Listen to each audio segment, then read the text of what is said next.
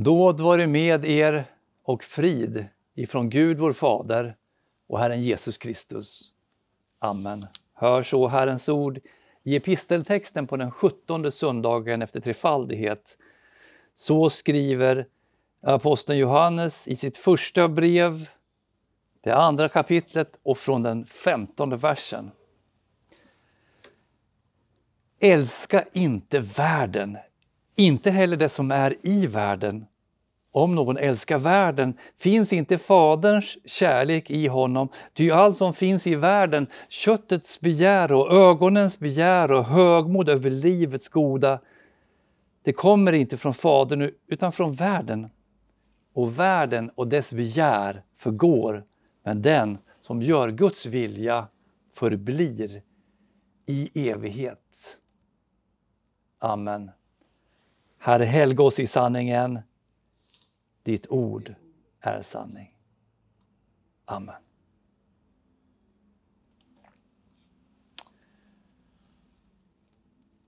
Älskar, älskar inte, älskar, älskar inte.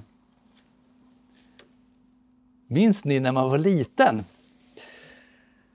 Och man hade blivit förtjust i någon liten flicka eller om man är flicka kanske man blir förtjust i en liten pojke. Och, och så skulle man riva kronbladen, framförallt från en prästkrage. Och det sista kronbladet avgjorde om man älskade eller om, man, eller om den andra parten älskade eller älskade inte. Ja, då visste man, trodde man. Den här leken Visste ni det? Den här leken den var spridd i hela Europa. Den finns i Frankrike redan på 1700-talet. I den svenska varianten, om ni tänker efter, då är det ju 50-50, då är det ju 50 chans att man får som man önskar. Älskar, älskar inte. Men i Frankrike, då, är, då har man lite bet, bättre odds.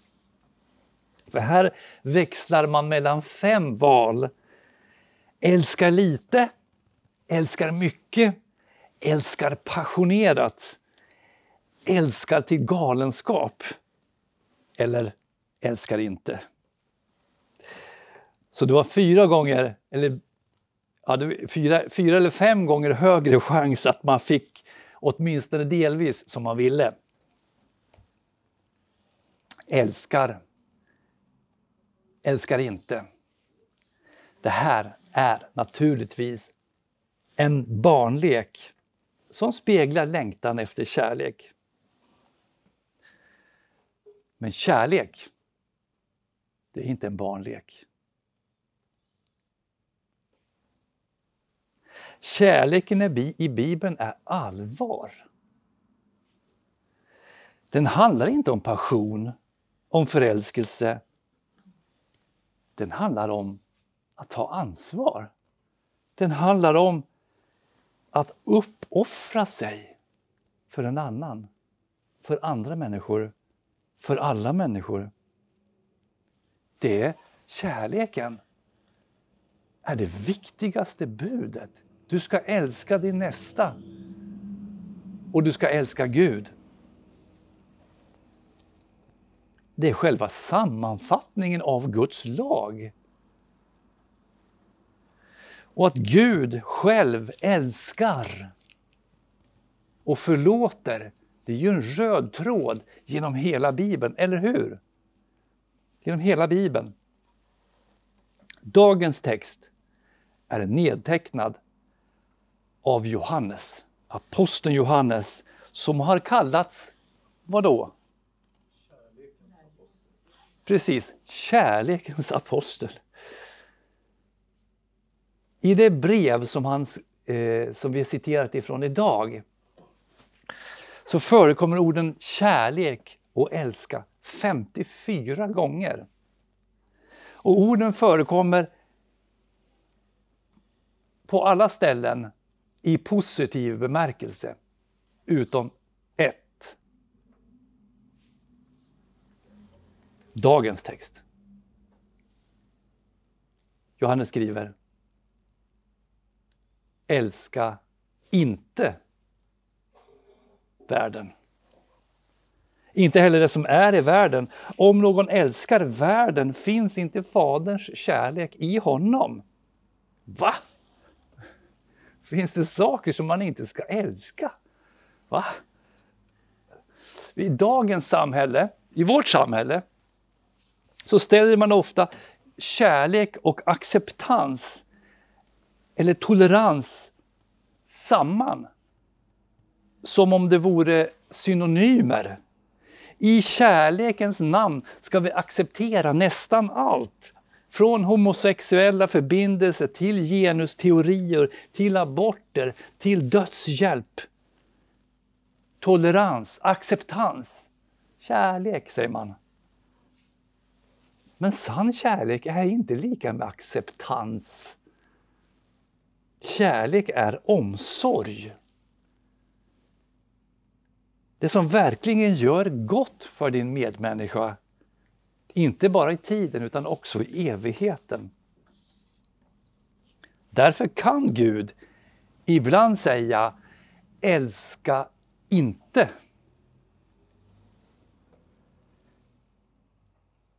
Finns det saker som vi ska avstå från att älska? Ja, till och med hata. Hatar Gud? Det står att Gud är kärlek. Hatar Gud? Låt oss låta Bibeln svara på den frågan. Ordspråksboken kapitel 6, vers 16. Sex ting är det som Herren hatar. Ja, sju som han avskyr. Stolta ögon, en lögnaktig tunga, händer som utgjuter oskyldigt blod, ett hjärta som smider onda planer, fötter som skyndar till det som är ont, den som främjar lugn genom att vittna falskt och den som vållar trätor mellan bröder. Malaki 2, vers 15. Ta vård om er ande och handla inte trolöst mot er ungdoms hustru. Jag hatar skilsmässa, säger Herren, Israels Gud. Gud hatar allt det som förstör relationen till honom och det som förstör oss. Och skriften uppmanar oss också att hata allt det som Gud hatar. Psalm 97, vers 10. Ni som älskar Herren, hata det onda. Han bevarar sina frommas, frommas själar, ur de ogudaktigas hand räddar han dem. I dagens text säger kärlekens apostel Johannes, älska inte världen, inte heller det som är i världen och någon älskar världen finns inte Faderns kärlek i honom. Nu har ju skriften sagt att Gud älskade världen så mycket att han utgav sin enfödde son för att var och en som tror på honom inte skall gå förlorad utan ha evigt liv. Vi förstår av detta att ordet värld förekommer i olika bemärkelser i skriften. Ibland syftar ordet värld på det som Johannes talar om i 3.16, på alla människor på jorden. Och Kristus har befallt oss att älska inte bara vår nästa utan även vår fiende, alla människor. Ibland syftar ordet värld på allt skapat, universum och jorden och alla skapade djur och växter, ja hela den fysiska världen. Och Gud uppmanar oss inte att förakta den synliga eller den fysiska världen. Aposteln säger 1 Timoteus 4 och 4. Ty allt som Gud har skapat är gott. Och inget är förkastligt när det tas emot med tacksägelse. Kung Salomo han säger i Predikarens 9 från vers 7. Ät ditt bröd med glädje och drick ditt vin med glatt hjärta. Gud är redan nöjd med vad du gör. Låt dina kläder vara vita och låt olja aldrig fattas på ditt huvud. Njut livet med en hustru som du älskar alla dagar i ditt förgängliga liv, det som Gud ger dig under solen. Bibeln förespråkar alltså inte asketism, att man skulle dra sig undan den sociala och fysiska världen och förakta det materiella och leva undandraget som en munk eller nunna. Det är inget som Bibeln förespråkar. Så vad menas med orden i vers 5? Älska inte världen, inte heller det som är i världen. Jo, det förklarar han i vers 16 och vers 17. Det är ju allt som finns i världen. Köttets begär och ögonens begär och högmod över livets goda, det kommer inte från Fadern utan från världen och världen och dess begär förgår. Men den som gör Guds vilja består i evighet. När apostlarna använder ordet värld så syftar man på det sammanhang av ondska som Satan och de icke-troende verkar igenom. Ett ogudaktigt eh, sammanhang eller system skulle man kunna säga utanför Guds rike.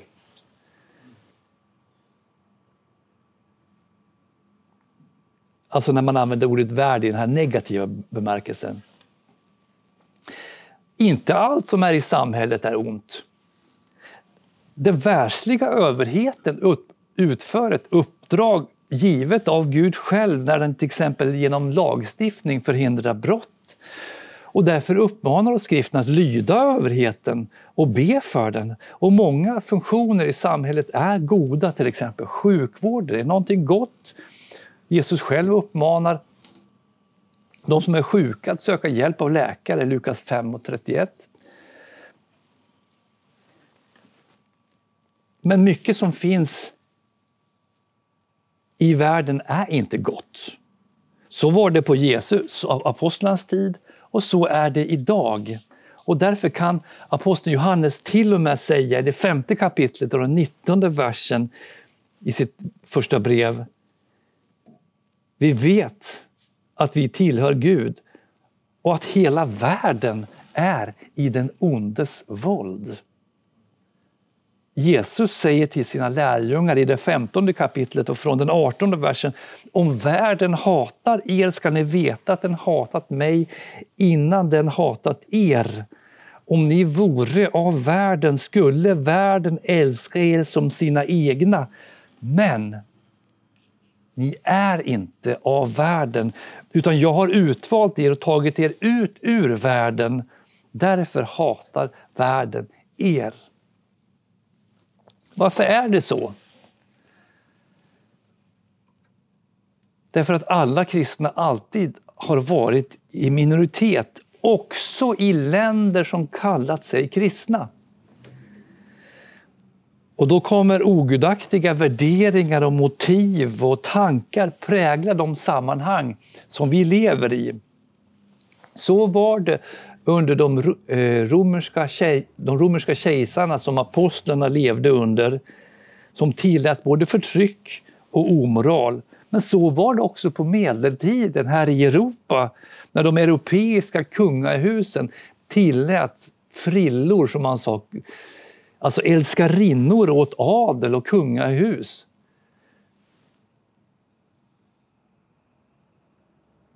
Och man tillät orättfärdiga krig. Det är ju inte kristet, trots att man kallar sig kristna länder. Och så är det också idag när äktenskapen slås sönder av individualism och självförverkligande, när hbtq och genusteorier får sista ordet, inte bara på universiteten utan också i vår regering och riksdag.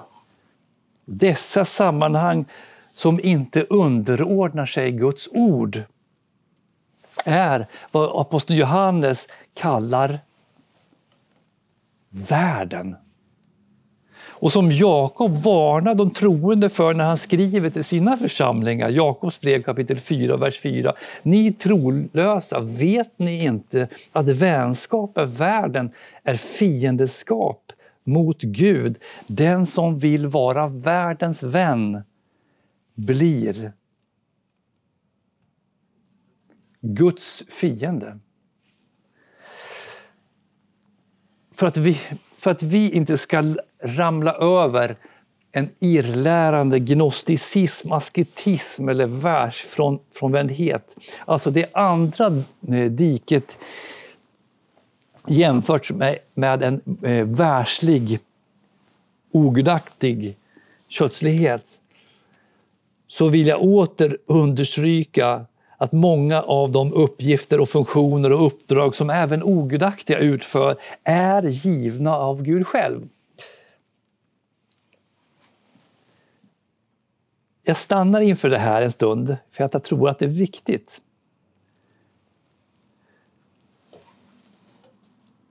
Johannes döparen uppmanade inte de romerska soldaterna som omvände sig att de skulle sluta vara soldater, utan vad sa han?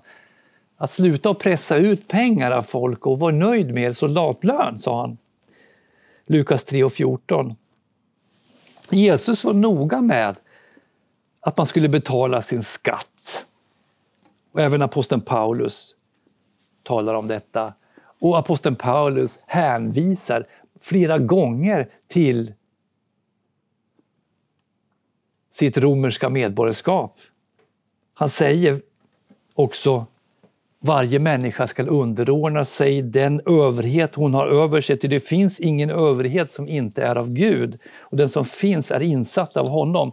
Den som sätter sig emot överheten står därför emot vad Gud har bestämt. Och de som gör så drar domen över sig själva. Överheten är en Guds tjänare till ditt bästa. Det betyder inte, som sagt, att allt som överheten gör är gott och rätt men att dess uppdrag är givet av Gud. Gud använder sig, använder sig alltså till och med av onda människor när han utför sitt uppdrag. Jag vill stanna inför det en liten stund innan jag går vidare. Just för att det är aktuellt idag. Med nya sociala medier som sprider ett nästan obegränsat hat mot inte bara politiker utan också mot skola, sjukvård, lagstiftning och polisväsende. Så är det lätt att även kristna smittas av detta. Och kanske gömmer sig bakom, bakom den här texten. Älska inte världen, inte heller det som är i världen. Det är ju sant. Vi ska inte älska världen, men lika sant är det att samhällsordningen som sådan är en gudomlig instiftelse. Och jag kan också bekänna att jag själv ibland frestas till förakt mot politiker till exempel. Har ni känt det? När man ser hur allt går ut för. Men det är en frestelse. När vi tänker, tänker så, att vi känner politikerförakt, då ska vi tänka på Saul och David. En kung som alla kunde se var ond hette Saul. Och Gud hade därför utsett David till hans efterträdare. När kung Saul med sina soldater följde efter David och hans män så gick Saul in i en grotta, minns ni? David han fanns där inne. Och i hemlighet, eller un, lite undanskymt, så skar han, utan att Saul märkte det, en liten flik av Sauls mantel. Vi läser. Det här är en spännande berättelse, men den har en poäng. Första Samuelsboken kapitel 24, vers 6, från vers 6. Men efteråt slog Davids samvete honom för att han hade skurit av fliken på Sauls mantel. Han sa till sina män, Herren förbjude att jag skulle göra detta mot min herre, mot Herrens smorde, att jag skulle räcka ut min hand mot honom. Han är ju Herrens smorde. Vem? Saul. David höll tillbaka sina män med stränga ord och tillät dem inte att överfalla Saul. Och Saul steg upp och gick ut ur grottan och fortsatte sin väg. Då steg också David upp och gick ut ur grottan och ropade efter Saul, min herre och konung. När Saul såg sig tillbaka böjde David sig ner med ansiktet mot jorden och bugade sig. Han sa till Saul, varför lyssnar du till sådana människor som säger att David vill din olycka? Du har ju med egna ögon sett hur jag skonade dig när Herren idag hade gett dig i min hand i grottan och man uppmanade mig att döda dig. Jag tänkte, jag ska inte räcka ut handen mot min Herre. Han är ju Herrens smorde. Se själv, min fader, jag ser här fliken av din mantel i min hand. Genom att jag skar av fliken på din mantel men inte dödade dig kan du se och förstå att jag inte har velat göra något ont eller begå något brott och att jag inte har syndat mot dig. Men du jagar mig för att ta mitt liv. Han kallar denna ogudaktige, eller onde kan man säga, onda kung, för vad då? Herrens smorde. Han kallar honom min herre. Ja, han kallar honom till och med min fader.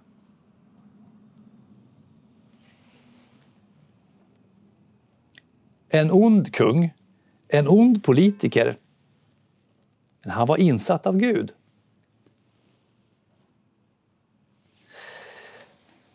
Men kan vi verkligen jämföra Saul, kung Saul, som ändå var smord av Gud som kung med Stefan Löfven, med Magdalena Andersson och Anders Ygeman?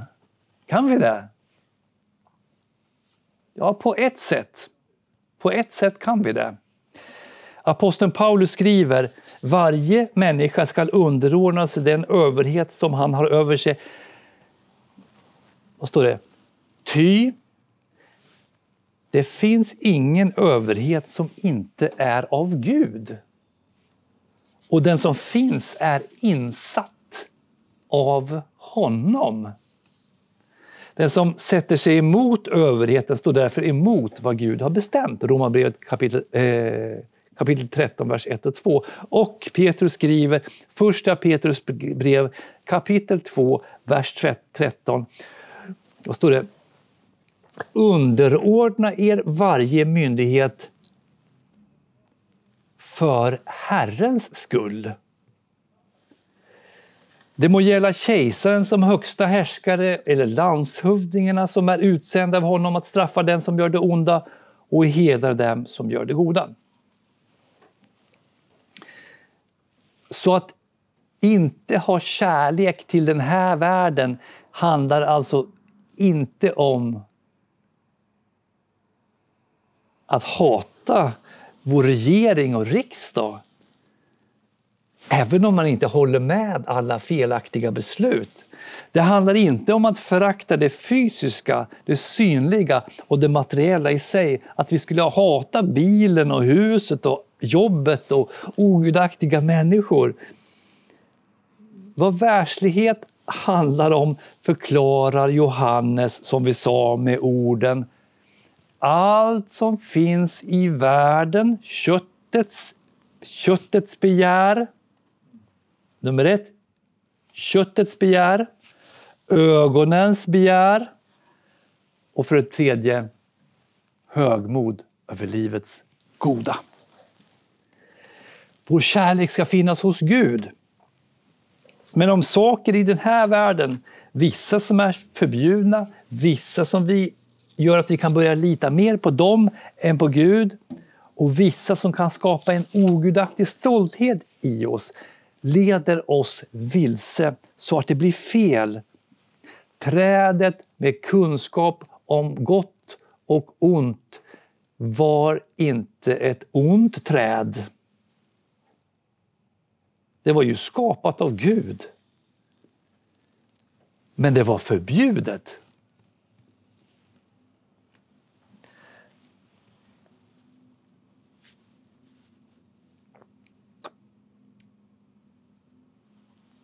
Men någonting händer i Evas sinne.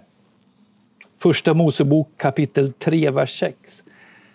Kvinnan såg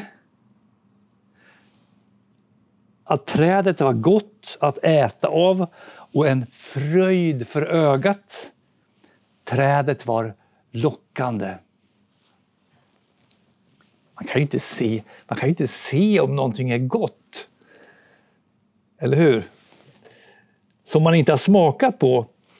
Men hon hade ju lyssnat på ormens ord och tanken på att eh, bryta mot Guds bud började slå rot i hennes, hennes hjärta. Köttets begär och ögonens begär. Satan frestar Jesus att förvandla stenar till bröd. Köttets begär. Eller hur? Han visar honom alla riken i hela världen och erbjuder sig att ge dem till honom. Se alla vackra riken. Ögonens begär.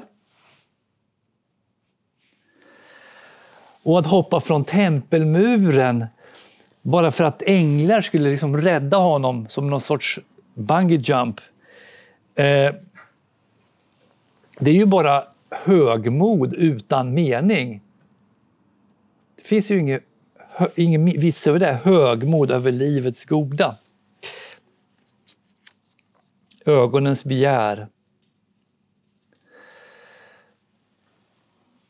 Köttet, det är ju vår medfödda syndiga natur. Så köttets begär, det är därför inte bara, det är inte bara sexuella frestelser utan det är frestelse till allt som, som eh, vår egensinnighet lockar att begrava oss i.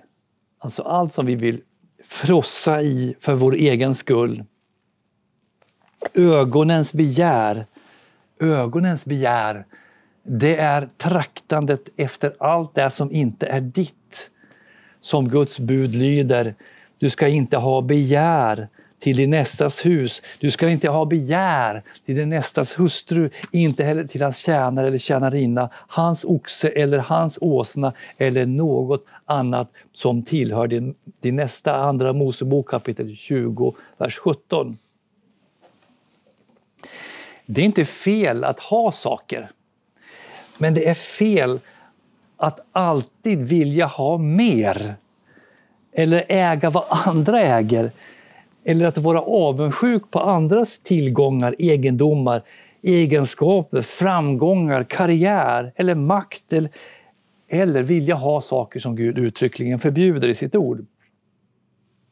Och här handlar det inte om man är fattig eller rik. Också en fattig kan ha begärelse efter mer. Eller efter att ha lika mycket som andra Men är det verkligen inte ont i sig själv att ha mycket pengar eller att ha pengar? Säger inte Jesus, ingen kan tjäna två herrar. Antingen kommer han då hata den ena och älska den andra eller så kommer han hålla sig till den ena och se ner på den andra. Ni kan inte tjäna både Gud och mammon. Lukas 16 vers 13 och mammon är ju pengar. Men, vad, men vad, vad står det egentligen här? Här handlar det om att inte bli mammons tjänare. Jesus säger också om mammon, Lukas 16 vers 9, skaffa er vänner med hjälp av den orättfärdige mammon, för att de ska ta emot er i de eviga boningarna när världslig rikedom har tagit slut. Alltså använd pengar för Guds rike. Men står det ändå inte att pengar är roten till allt ont?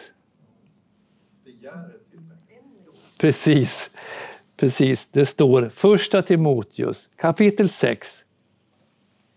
Det står inte pengar, det står kärlek till pengar är, som du sa, en rot till allt ont. I sitt begär efter pengar har somliga kommit bort från tron och vållat sig själv, själva mycket lidande. Och den tredje formen av världslighet som dagens text varnar för är högmod över livets goda. Köttets och ögonens begär, det handlar om en lust till det vi inte har. Men den tredje formen av världslighet, den handlar om att slå sig till för bröstet över det som vi har. Att vi, att vi nästan ärar oss själva för vad vi har, äger eller presterar. Vi ska göra vårt bästa. Vi ska sträva efter att vara föredömen i skolan och på jobbet och på vår fritid och bland våra vänner. Men det är lätt att glömma bort att allt det goda som vi faktiskt har eller gör eller är är, vad då för någonting? Jo, det är ju gåvor från Gud. Så om det är någon som ska äras för våra framsteg, för våra egendomar, för våra prestationer, för våra egenskaper så är det Gud. Som aposteln skriver, första kor kapitel 4, vers 7. Vad äger du som du inte har fått? Men om du har fått det, varför skryter du då som om du inte hade fått det? Istället skulle ju Gud ha äran. En annan biblisk kung som kan få bli sinnebilden för denna lärdom skulle, skulle kunna vara kung... Vilken kung? Jo, kung Nebukadnessar. Kung Nebukadnessar. Och vi läser, och du kommer också läsa ett avsnitt. Det blir en lång predikan, det blir ett bibelstudium. Danielsboken kapitel 4, vers 29. När kungen en gång gick omkring på taket av det kungliga palatset i Babel tog han till orda och sa Se, detta är det stora Babel som jag har byggt upp till ett kungavälde genom min krafts styrka, min härlighet till ära. Medan ordet ännu var i kungens mun kom en röst från himlen. Till dig, kung Nebukadnessar, skall det säga ditt rike har tagits ifrån dig. Du ska stötas ut från människan och tvingas bo bland markens djur och äta gräs som en oxe. Så skall sju tider gå fram över dig till dess du har insett att, insett vad då? Jo, att den högste råder över människors riken och ger dem vad han vill. I samma ögonblick gick, gick det ordet i uppfyllelse på Nebukadnessar. Han stöttes ut från människan och måste äta gräs som en oxe. Himlens dagg fuktade hans kropp till dess hans hår växte och blev som örnfjädrar och till dess att hans naglar blev som fågelklor. Men när den tiden hade gått lyfte jag, Nebukadnessar, upp mina ögon till himlen och fick tillbaka mitt förstånd. Då lovade jag den högste Jag prisade och ärade honom som lever i evighet. Hans välde är ett evigt välde. Hans rike varar från släkte till släkte. Slut på citat. Världens människor är högmodiga över detta livets goda, men Guds barn ska ge Gud äran för allt som är gåvor ur hans hand. Men Guds barn behöver påminnas om dessa saker eftersom det onda och världen har en bundsförvant i alla människor, även Guds barn. Nämligen vad då? Jo, det som kallas köttet, vårt kött, vår onda natur. Och därför kan världen också fresta kristna. Som aposteln med sorg skriver om en av sina närmaste medarbetare, Andra Timoteus kapitel 4, vers 10. Vad skriver han för där? Jo, han skriver av kärlek till den här världen har Demas övergett mig och rest till Thessalonika. Så även Guds barn frestas av världen. Så, hur övervinner man då Satan, köttet och världen? Aposteln fortsätter i dagens text, vers 17.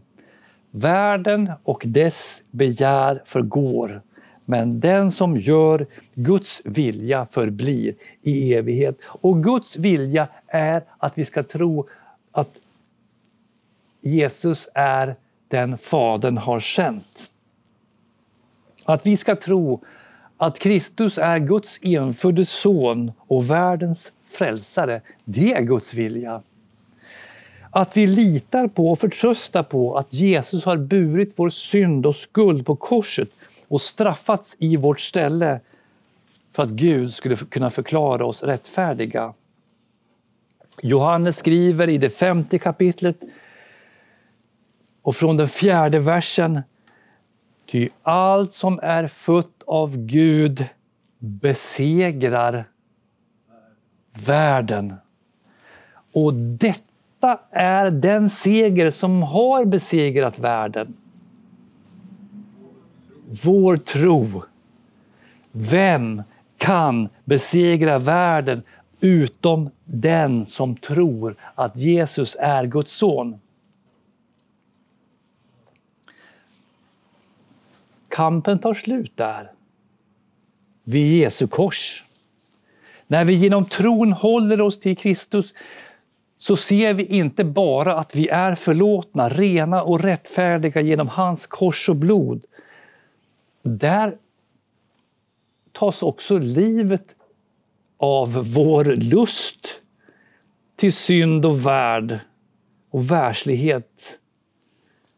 Inte en gång, för den kommer tillbaka, utan varje gång som vi hör det ljuvliga evangeliet om Guds kärlek i Kristus Jesus så kommer den kärleken att överglänsa kärleken till världen. Han som hade hittat en skatt i, i åken, vad gjorde han? Han sålde allt han ägde för att köpa den skatten. Vad betyder det? Det betyder när vi finner Jesus Kristus när vi ser på Jesus Kristus, när vi tror på Jesus Kristus, så blir det större än världslighet. Det blir viktigare. Jag kan välja bort världsligheten.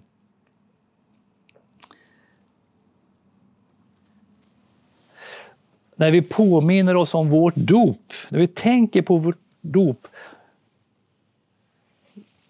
så får eh, världsligheten också en törn. Vårt dop, vad innebär det?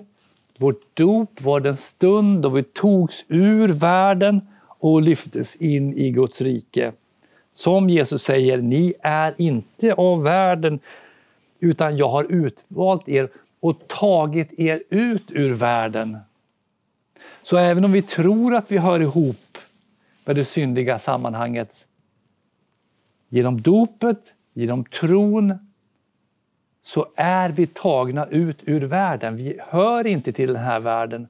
Vi är medborgare i Guds rike. Genom, genom dopet. Och varje gång vi tar emot altarets sakrament, Kristi sanna kropp och blod under bröd och vin till syndernas förlåtelse, så påminns vi om att vi hör inte hit. Vi är insatta som arvingar till Guds rike.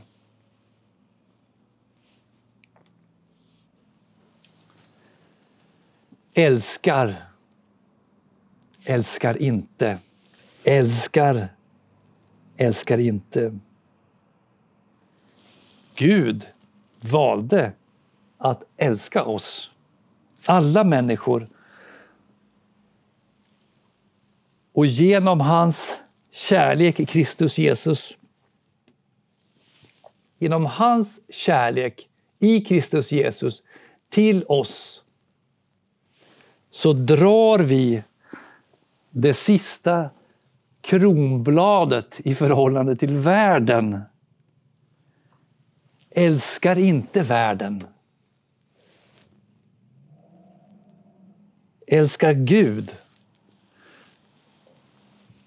som har sänt oss sin enfödde son.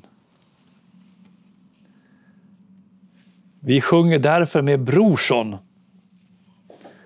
hans psalm. Jag går med Jesus var jag går. Han vandrar vid min sida, han läker mig med sina sår och hjälper mig att strida.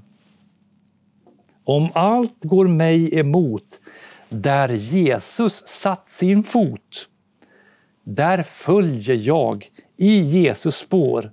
Jag går med Jesus var jag går. Jag går till himlen var jag går, så frukta ej mitt hjärta. I himlen du en ände får på all din nöd och smärta. All världens lust och prål är ej min längtans mål. All världens skatter jag försmår. Jag går till himlen var jag går. Amen. Låt oss bedja. Så tackar vi dig himmelske Fader för att idag har undervisat och påmint oss om världens frestelse. Om köttets begär, om ögonens begär, om högmod över livets goda. Herre, tack för att du har tagit oss ut ur det syndiga sammanhanget genom dopet. Du har fött oss på nytt och gjort oss till dina barn. Herre, lär oss att vandra i vår frälsares fotspår och varje dag ta avstånd ifrån världen och vända oss till dig, din nåd och din förlåtelse så att vi kan komma hem till himlen. Amen.